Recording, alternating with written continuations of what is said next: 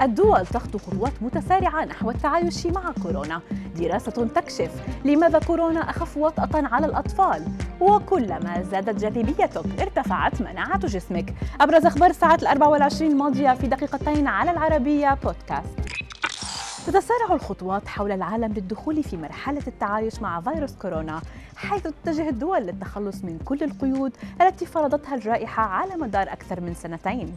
فأستراليا مثلا أعادت فتح حدودها مع الخارج أمام جميع السياح المطعمين بعد نحو عامين من فرض أحد أكثر قيود السفر صرامة في العالم للحد من تفشي كوفيد 19 وبموجب خطط التعايش مع كوفيد تسعى الحكومة البريطانية إلى وضع حد لمفاعيل قانونية تفرض على المصابين بكوفيد 19 حجر أنفسهم. ومن المتوقع أن تضع حدا لحملة الفحوص المجانية بعدما ألغت إلزامية وضع الكمامة في الأماكن العامة.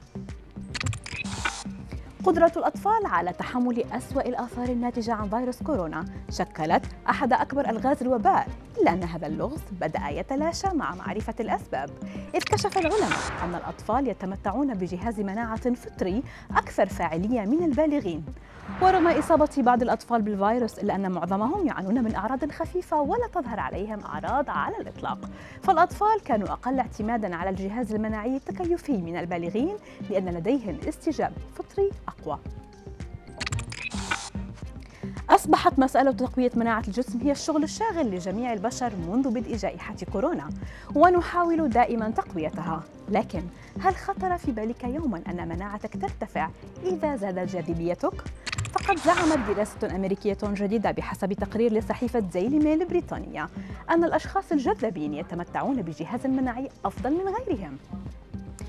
ووجد الفريق من جامعة تكساس كريستيان أن الرجال والنساء أكثر وسامة لديهم معدلات أعلى مما سموه البلعمة وهي إحدى وسائل الدفاع المناعية الطبيعية في جسم الإنسان حيث تأكل خلايا الدم البيضاء والبكتيريا والفيروسات وتدمرها قبل أن تصيب الإنسان بالأمراض.